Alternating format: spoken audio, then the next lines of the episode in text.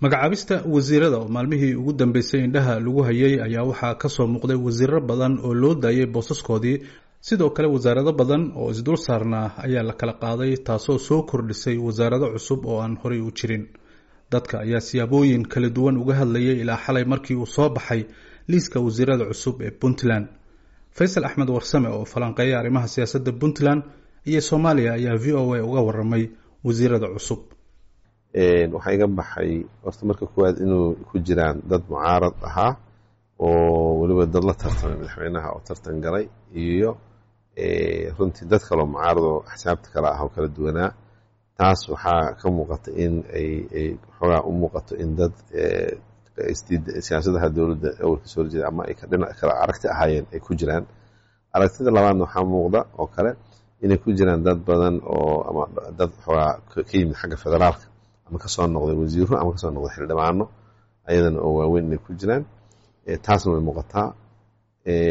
Waxaa kaloo muuqda weli inay jirto ku haboonaanshaha boosashinada inuusan ayadan caddayn oo micna caddayn waxaan ka wadaa wasaaradaha adeega bixiya oo serviceka oo runtii ka mid caafimaadka waxbarashada wasaaradaha noocaasa. Anu ma oran karo qofka de hadduu gaaro heer management level inuu qofkaasi aqoontiisa ama wax soo maamulay ma maamuli karo lama oran karo. Lakin waxay u baahan tahay dadkaasoo kale hadhowta in lagu kabo agaasimayaal technicala oo shaqooyinkaas yaqaana si leadershipka xagga siyaasadda ahaan wasiirada u maamulaan. Wallahi wasiiro badan baa soo noqday oo tiimkiisa ahaa runtii dad cusubna way soo galeen. Isbedelka la filayey oo dadkii boqolkiiba boqol ma dhicin isbedelna wuu dhacay boqolkiiba boqolna maaha. Marka xasila kulleyta waa iska meel dhexe dhanka wasaaradaha ayaa loo soo jeediyey inuu tayeeyo madaxweyne deni. Wasiiradu waa bosishon siyaasadeed.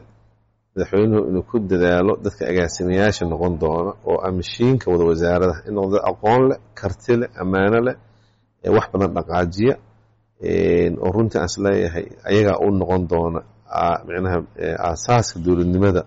Oo runtii dowladdiihii hore oo marka laga soo tago dowladdii cabdi muuse iyo tii cabdulaahi alla yarxamo iyo tii faroolaba ee dadka wax dhaqaajinaya waxay ahaayeen agaasimayaasha. Marka agaasimayaasha arrintooda in dib loo fiiriyo oy noqdaan dad karti leh oo shaqada wadi kara khibrad leh ammaano leh. Runtaas is leeyahay inay igu muhiimsan tahay anuu hadda dowladdu waa hadda dhalata xalay dhaliil hadda ma ma ma shaqadooda la sugaa muhiima hadda waxba tara in la yahdo waxu yihiin waa khaldan yihiin.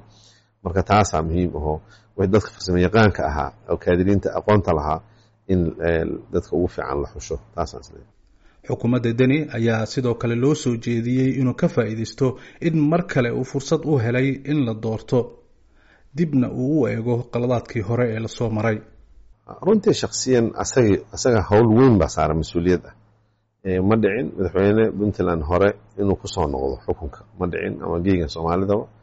Arrintaas waxay weeyaan waa isagu guul uu gaaray shaksiyan laakiin khatarna ah khatarna ahoo haddii uu maskaxdii shalay uu maamulayay uu u qaata inay sax ahayd wax badanaa ka khaldamaya laakiin inuu la tashi badan suubiyo wixii ka qaldanaa wuu yaqaanaa khibradu le soo jabay shan sano dadkan maamulayay inuu saxo in wada dowladda federaalka isaga oo runta wax badan culiyaasanta wasaarada qaarkood waa dansan yihiin waa baralys in la kiciyo in maaragtay wada la wanaajiyo inuu loobin u garo dhaqaalaha dadka. Runtii oon is leeyahay isagana hoos u dhac dhaqaalaha jira dalka oo imaad ganacsiga iyo ummadda in laga warqabo oo runtii uu maaragtay halkaasna xoog la saaro.